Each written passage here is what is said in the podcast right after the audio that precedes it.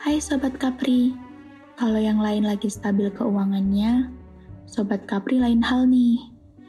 Sekarang coba kalian bikin catatan pengeluaran dan pemasukan untuk setiap bulannya. Utamakan pengeluaran untuk sesuatu yang wajib, seperti membayar tagihan. Ditahan dulu ya nafsu belanjanya, jangan sampai kalian berhutang pada seseorang di kemudian hari hanya karena kalian kehabisan uang. Percintaan untuk Capri Lovebird Gak ada yang menjamin hubungan kalian berjalan selamanya. Sometimes the best part of loving someone is letting them go. Untuk sobat Capri yang masih single, kamu mensyukuri atas apa yang sudah kamu miliki sekarang, termasuk belum memiliki pasangan.